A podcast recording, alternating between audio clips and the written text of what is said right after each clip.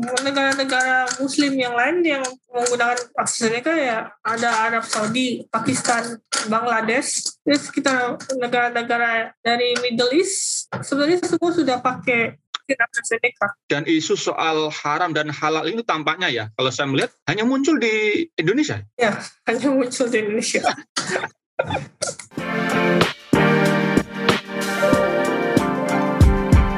Hai sahabat TCID, kalian sedang mendengarkan podcast Suara Akademia, ngobrol seru isu terkini bareng akademisi.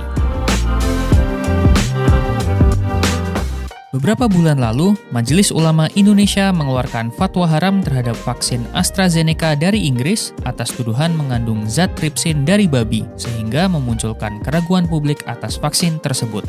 Oleh karena itu, pada episode ini kita ngobrol dengan Karina Citra Dewi Jo, peneliti vaksin di Oxford University dan salah satu peneliti utama dalam pengembangan vaksin AstraZeneca tentang proses produksi vaksin tersebut sekaligus menjawab fatwa haram MUI. Diskusi ini dipandu oleh editor kesehatan TCID, Ahmad Nur Hasim.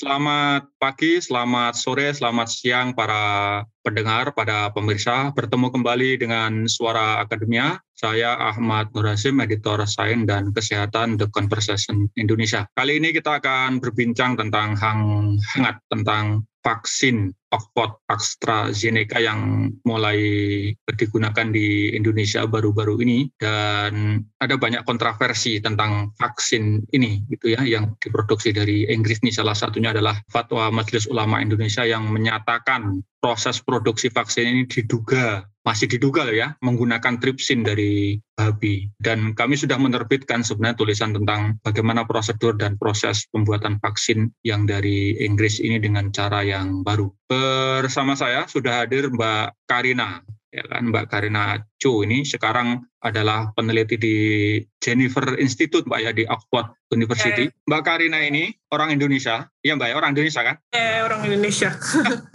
Jadi menjadi bagian tim untuk proses riset vaksin Zeneca. Mungkin nanti bisa dijelaskan Mbak apa yeah. keterlibatan Mbak untuk proses uh, dalam riset dan praproduksi ya untuk vaksin Zeneca ini. Kita mulai dari yang ringan dulu Mbak. Mungkin Mbak bisa jelaskan apa sih yang Mbak lakukan untuk uh, riset vaksin Zeneca di Inggris. Mungkin bisa cerita sejak kapan dan bagaimana proses uh, risetnya itu. Ya saya mulai bekerja untuk University of Oxford akhir tahun 2019 ya beberapa bulan sebelum pandemi. Proyek utama saya adalah untuk optimalisasi produksi viral vector tapi target penyakitnya adalah rabies. Jadi basisnya sama dengan COVID vaksin ini, cuman target proteinnya berbeda. Terus setelah beberapa bulan ternyata ada pandemi, jadi untuk beberapa bulan saya tiba-tiba harus switch proses produksi untuk vaksin COVID ini.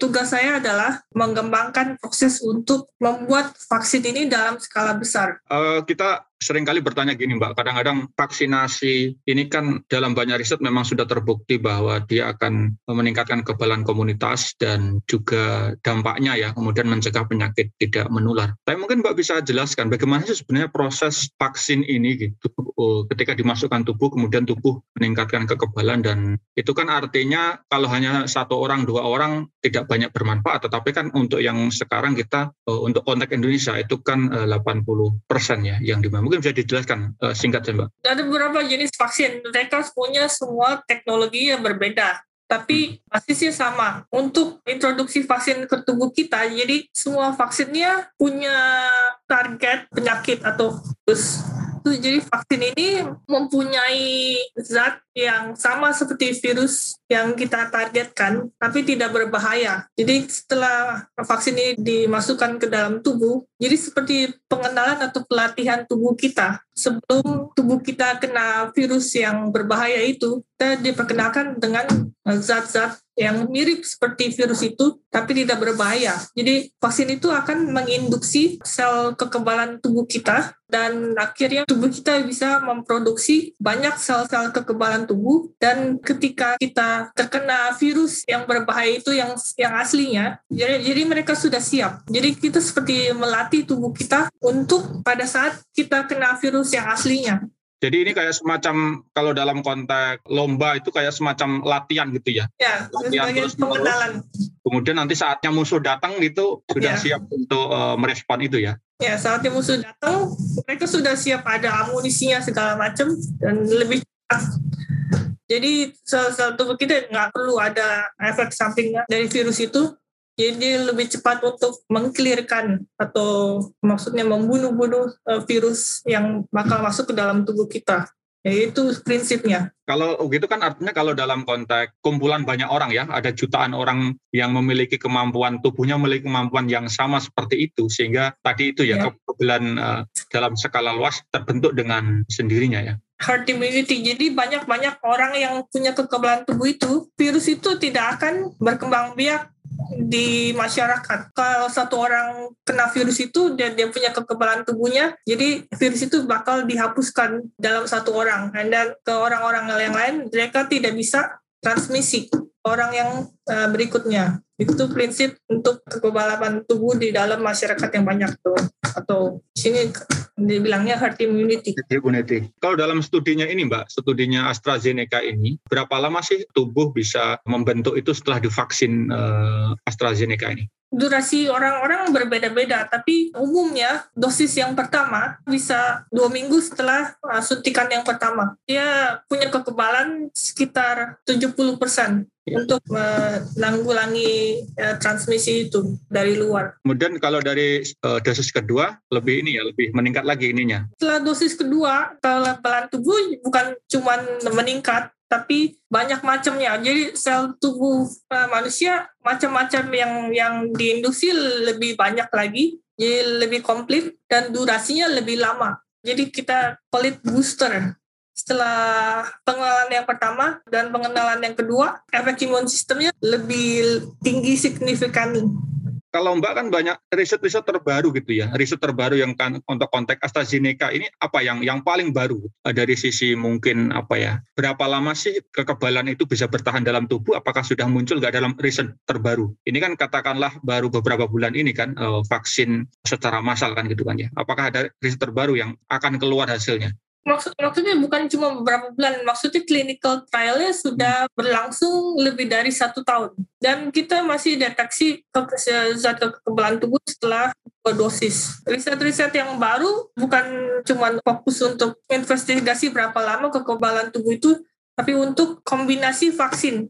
Kalau pakai aneka dosis yang pertama, Pfizer dosis yang kedua, apa efeknya? Apa efek sampingnya atau apa keuntungannya dalam sistem kekebalan tubuh manusia? Apakah bisa untuk proteksi yang sama? Ya seperti itu. Dan juga kita mulai rekrut pasien untuk challenge studies. Jadi beberapa pasien yang kita sengaja infeksi dengan virus COVID setelah kita vaksin pasiennya untuk mempelajari bagaimana sistem kekebalan tubuh manusia terhadap COVID. Artinya kita masih akan menunggu ya eh, hasil-hasil riset Ya, itu ya. dalam jangka pendek. Kalau dalam dunia riset atau dalam dunia produksi vaksin ini kan ada beberapa jenis desain ya. Ada Ya. yang model vaksin yang eh, virusnya yang dinonaktifkan, ada kemudian virus hidup yang dilemahkan, kemudian ada juga vaksin vektor. Jadi ada juga yang pakai asam nukleat ya. Jadi secara umum sebenarnya bisa dijelaskan Mbak secara singkat apa sih klasifikasi atau model produksinya itu seperti apa? Jadi ada tiga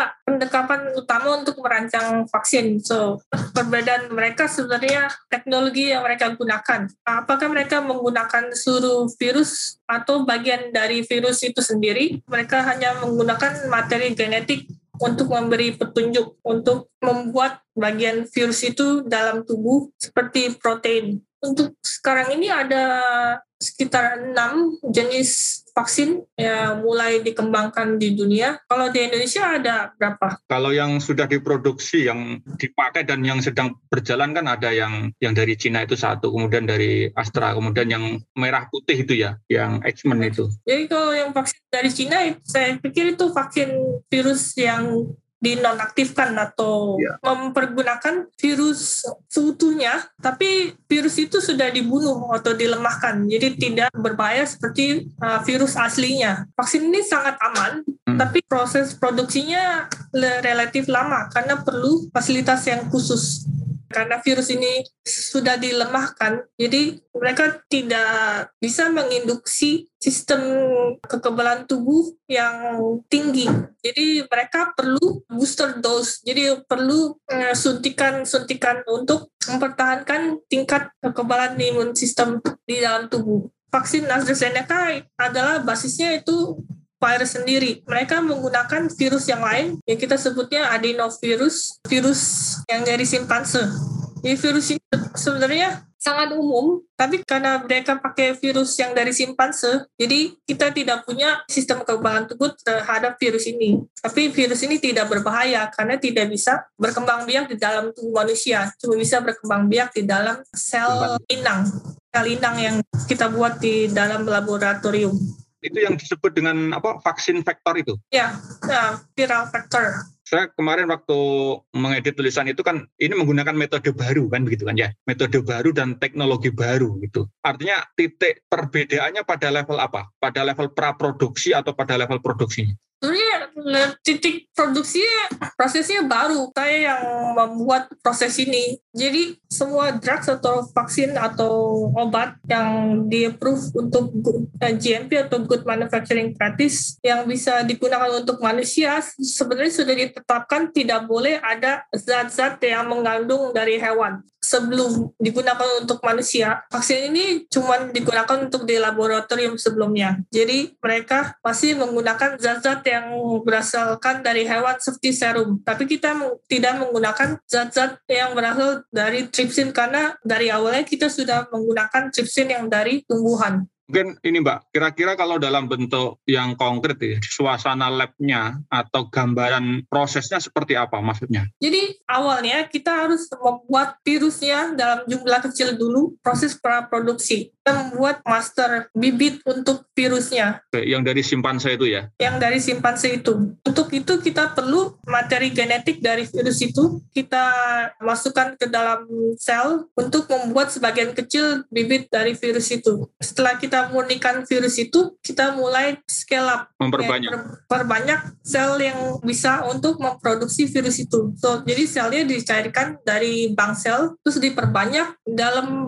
bioreactor. Jadi wadah semacam apa itu, Mbak? Semacam kayak kontainer yang besar untuk tempat tinggal sel itu. Jadi kita bisa atur temperaturnya kita bisa atur apa yang kita mau masukkan atau masukkan gas-gas yang kita perlukan untuk sel itu untuk berkembang biak. Jadi kayak sel itu kita kasih rumah lah. Setelah kita tumbuhkan sel itu, bibit virus itu kita bisa masukkan ke dalam sel, terus virus itu tumbuh di dalam sel. Selnya ini apa? Sel apa yang dipakai? Ya, sel mamalia atau kita kita pakai sel manusia. Artinya ini ruang tiruan gitu ya? Kita kondisikan sebagai tubuh manusia. Setelah proses itu berikutnya gimana Mbak? Kalau proses itu katakanlah apa istilahnya ini positif hasilnya atau apa istilahnya untuk proses itu selesai baru kemudian bisa diproduksi ya? Ya, karena ini maksudnya namanya proses fermentasi. Jadi virusnya harus dikembangbiakan di dalam sel. Ini sel inang. Jadi setelah kita pikir oh virus ini sudah cukup, kita harus panen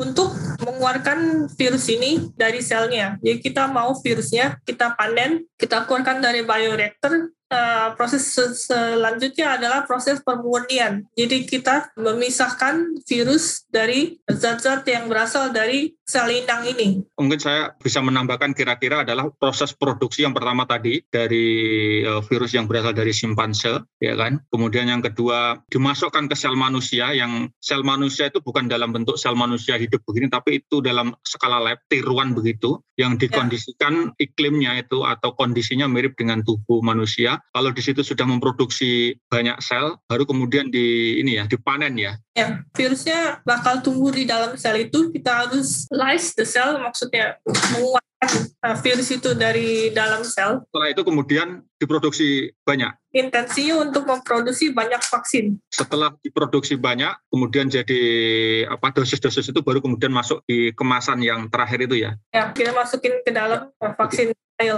itu kan untuk dia harus berada di bawah suhu minus sampai 80 ya? Ya, itu untuk jenis vaksin dari asam nukleat. Yang vaksin harus di bawah minus 80.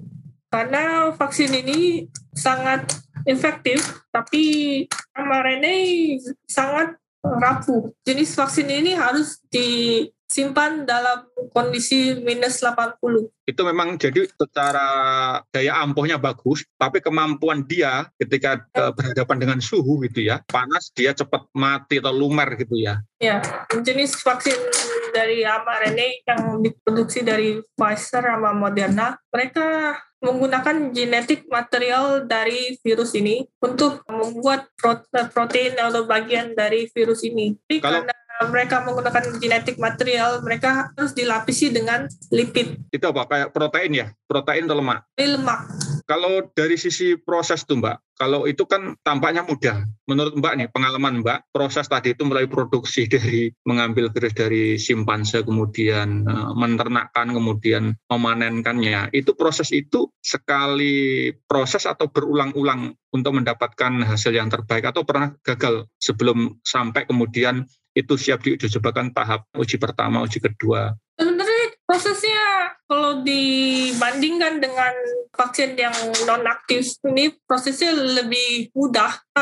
Kita tidak perlu fasilitas yang khusus dan fasilitas yang digunakan ya bisa didapati dari laboratorium yang umum. Kan cuma bioreaktor, sel, dan ya proses yang agak sulit ya sebenarnya untuk pemurnian dari vaksin ini. Jadi perlukan untuk proses kromatografi dan TFF, call it tangential flow filtration. Itu Jadi, apa, Pak? Kira-kira itu proses itu kalau bahasa yang lebih mudah dipahami apa proses yang agak sulit itu? Uh, tangential flow filtration itu konsepnya untuk konsentrasi virus ini dan untuk memisahkan virus ini dari zat yang kontaminasi dari sel inang. Itu artinya kalau dari sisi teknologi itu hanya dimiliki di University Institute ya, di Oxford ya?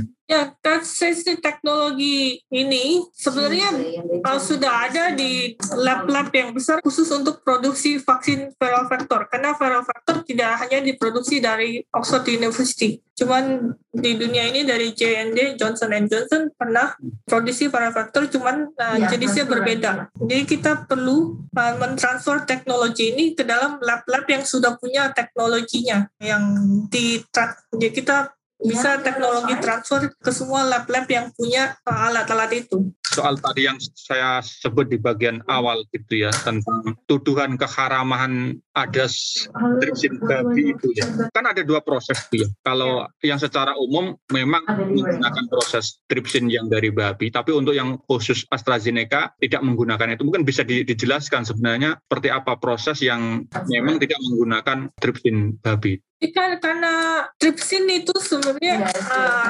prinsipnya untuk melepaskan sel ini dari bioreaktor itu dari kontainer. Hmm. Tapi karena sel yang kita gunakan itu tidak sel yang attach atau adheres melayang, kita tidak perlu menggunakan tripsin. Jadi kita hanya perlu untuk memompa uh, sel ini keluar dari bioreaktor tanpa menggunakan tripsin. Artinya memang dalam teknologi ini tidak dibutuhkan tripsin gitu ya. Apa pun tripsinnya ya, maksudnya kan tidak hanya dari babi juga kan tripsinnya.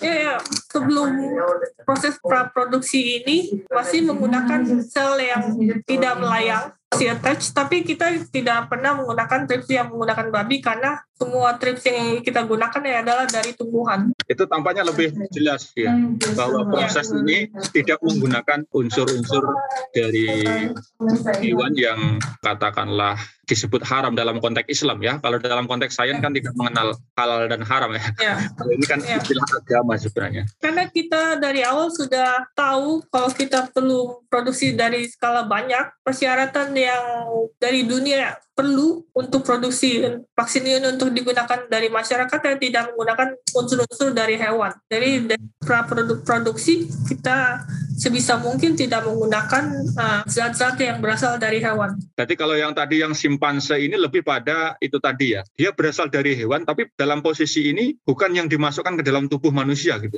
Ya, karena sel-selnya akan dipisahkan dari virus ini, berikan pemurnian karena dari setiap tahap ada ada fase validasi untuk apakah virus ini murni, apakah ada zat-zat yang lain yang dari hewan yang ada di dalam vaksin ini. Dan kita ada target-target tertentu yang bisa membuktikan bahwa vaksin ini benar-benar murni dan tidak ada kontaminasi yang lain. Berarti yang proses tadi itu ya, proses apa istilahnya, pemurnian, pembersihan ya? Proses pembersihan. pembersihan vaksin ini dari unsur-unsur yang mengandung uh, hewan.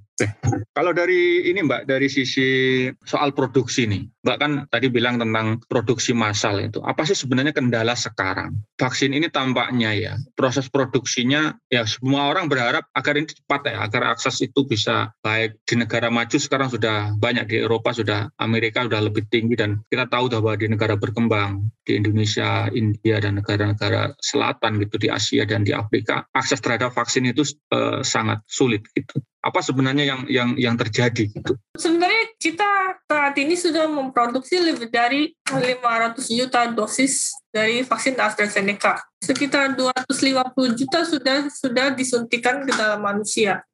Untuk vaksin yang sebenarnya baru dibuat dari tahun lalu sebenarnya ini angkanya sudah termasuk sangat bagus. Berusaha untuk membuat vaksin secepat mungkin, tapi fasilitas yang ada terbatas. Jadi kita tidak bisa membuat fasilitas yang baru uh, setiap bulan. Kita menggunakan fasilitas yang ada dan meningkatkan produksinya dalam fasilitas itu, walaupun tidak menggunakan fasilitas yang baru. Yang kendalanya adalah consumables atau bahan-bahan yang diperlukan untuk membuat virus ini atau uh, bioreaktornya ada terbatasnya bahan-bahan itu dan juga terbatasnya skill person kemampuan dari uh, ilmuwan-ilmuwan tidak punya kemampuan khusus untuk membuat vaksin ini. Kita harus pergi ke fasilitas itu dan melatih mereka untuk benar-benar menguasai proses produksi ini. Itulah yang yang terbatas. Di lab Mbak ini yang khusus didedikasikan untuk riset ini ada berapa orang yang uh, AstraZeneca? Untuk proses pembuatan vaksin ini ada berapa ratus orang, tapi mereka tidak uh, terlibat dalam proses produksi khusus ke clinical trial sama uh, mendesain uh, genetik material untuk virus ini. Kalau untuk proses produksi ya saya peneliti utamanya dari Universitas Oxford ada saya sama bos saya itu Alexander Douglas yang responsibility-nya ya tanggung jawabnya untuk uh, mengkomunikasikan proses produksi ini ke lab-lab yang besar yang lainnya. Tapi yang bertanggung jawab di dalam lab ya cuma saya sendiri. Ini kalau hitungannya produksi itu kan generasi apa istilahnya itu lingkaran itu ya. Itu berapa banyak yang bisa diproduksi? Hitungannya apa? Per hari, per minggu atau per jam? Dalam satu cycle dalam cycle. produksi hmm. sebenarnya proses produksi ini cuma perlu waktu sekitar seminggu untuk setiap satu batch tapi hmm. karena tidak segampang itu untuk proses produksi dia harus uh, bisa produksi untuk yang lain jadi satu lab itu harus dibersihkan jadi fasilitasnya setelah satu selesai satu batch fasilitasnya harus benar-benar dibersihkan seperti semula. Jadi itu perlu waktu seminggu lagi mulai, untuk tanam bibit dari sel itu dari awal lagi. Jadi untuk proses yang lama sebenarnya proses validasi sama untuk membersihkan lab itu karena sesuai dengan standar GMP. Berapa lama itu proses pembersihan dan proses itunya? Proses untuk yang membersihkan lab itu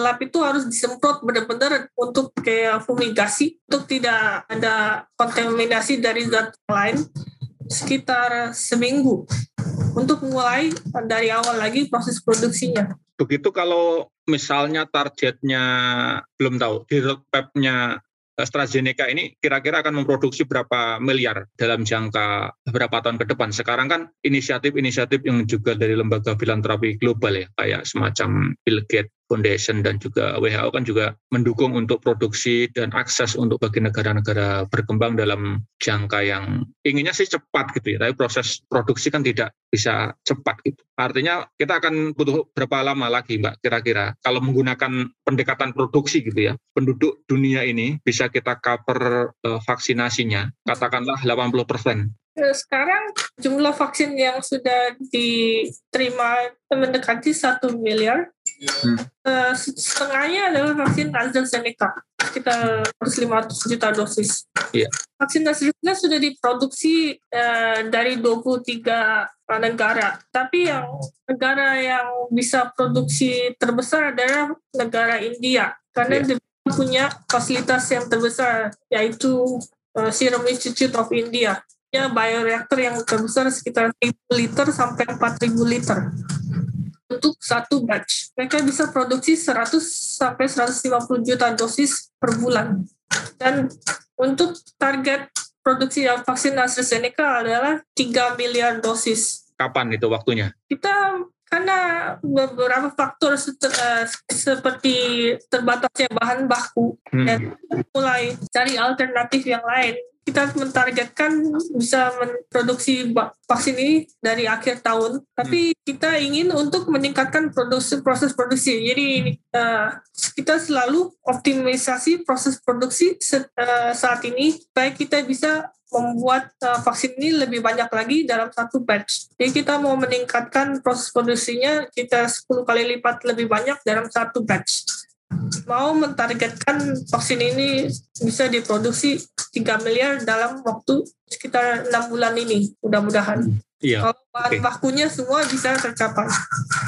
Artinya kalau dari bahan baku itu, kesulitan bahan baku itu yang bagian mana? Jadi karena di bioreaktor kita perlu medium atau cairan yang digunakan untuk supaya sel ini tumbuh di dalam bioreaktor itu. Kita Pak kita panggil itu medium, media. Itu kayak makanan untuk sel ini. Itu salah satu bahan baku utama yang yang sekarang susah untuk didapat karena semua orang untuk mau membuat vaksin dan juga alat-alat untuk proses pemurnian kayak tangential flow filtration kita perlu filter yang khusus tapi itu bisa digunakan untuk beberapa kali kita tidak bisa menggunakan itu uh, selamanya kita harus diganti-ganti membran untuk filtrasi. Itu, itu bahan baku utama untuk proses pemurnian kita. Kalau ini kan selain Indonesia, Mbak, negara-negara Muslim mana aja yang udah udah confirm memesan vaksin AstraZeneca? Negara-negara Muslim yang lain yang menggunakan AstraZeneca ya ada Arab Saudi, Pakistan, Bangladesh, terus kita negara-negara dari Middle East sebenarnya semua sudah pakai AstraZeneca. Dan isu soal haram dan halal ini tampaknya ya, kalau saya melihat hanya muncul di Indonesia. Ya, hanya muncul di Indonesia. Mungkin Mbak punya saran ya eh, kepada pemerintah gitu. Bagaimana sih mengkomunikasikan vaksin ini gitu agar istilahnya itu tidak menimbulkan uh, pertama kontroversi, yang kedua mudah diterima oleh masyarakat sehingga masyarakat juga mendukung bahwa pertama vaksin itu aman, yang kedua memang halal gitu. Kalau dari sisi ini ya, dari sisi pembuatnya gitu. Saran untuk pemerintah sebenarnya cari informasi yang benar, yang mungkin mereka bisa meminta informasi langsung dari AstraZeneca-nya atau dari pembuatnya langsung hmm. dan mungkin bisa dikomunikasikan ke tahap dari tenaga kesehatan ya untuk memberikan pendidikan ke pasien langsung apa bahan baku dari vaksin ini apakah ini halal atau haram dan mungkin untuk ilmuwan dari Indonesia untuk bisa menjelaskan ke masyarakat bagaimana proses produksi dari vaksin ini. Kita mau masyarakat Indonesia mengerti kalau semua vaksin yang di-approve dari Badan Kesehatan Dunia sebenarnya mereka tidak menggunakan zat yang berasal dari hewan, apalagi yang dari babi kita. Tapi karena kita tahu ah, bakal ada masalah di depannya.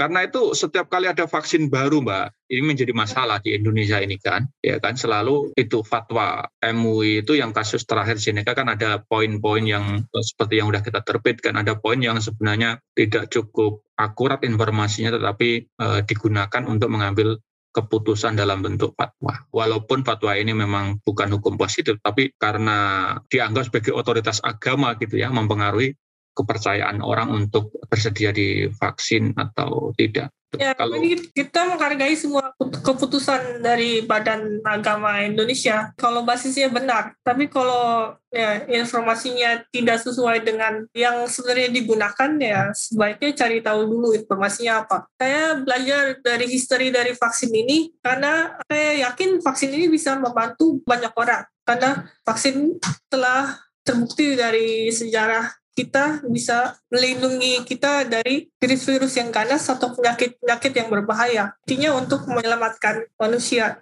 menyelamatkan orang-orang sebanyak mungkin. Artinya dengan para saintis gitu di bidang vaksin gitu bisa menyelamatkan lebih banyak nyawa gitu ya dengan ya. cara membuat vaksin untuk mencegah penyakit-penyakit yang menular gitu. Jadi bukan mengobatnya tetapi pada pada pencegahan dan itu jauh lebih murah mencegah daripada mengobati guys. Lebih baik mencegah daripada mengobati. Mbak Karina, terima kasih Mbak Karina ini terakhir PhD di Royal Melbourne Institute of Technology Pak ya di yeah. Australia untuk bidang bioteknologi. Jadi yeah. secara akademik memang fokusnya di bidang pengembangan vaksin. Kami berharap para pendengar, pada pemirsa bisa mengetahui bahwa proses produksi vaksinasi vaksin eh, AstraZeneca ini seperti yang diceritakan mulai dari proses riset praproduksi, kemudian ada proses pengembang biakan gitu ya dalam satu wadah khusus setelah diproduksi banyak banget kemudian pemanenan, kemudian setelah pemanenan dibersihkan gitu ya, dibersihkan gitu dari eh, unsur-unsur yang mengandung hewan tadi sehingga yang terakhir bibit yang terakhir itu sudah cukup bersih, tidak ada unsur-unsur hewan yang ada dalam vaksin itu baru kemudian diproduksi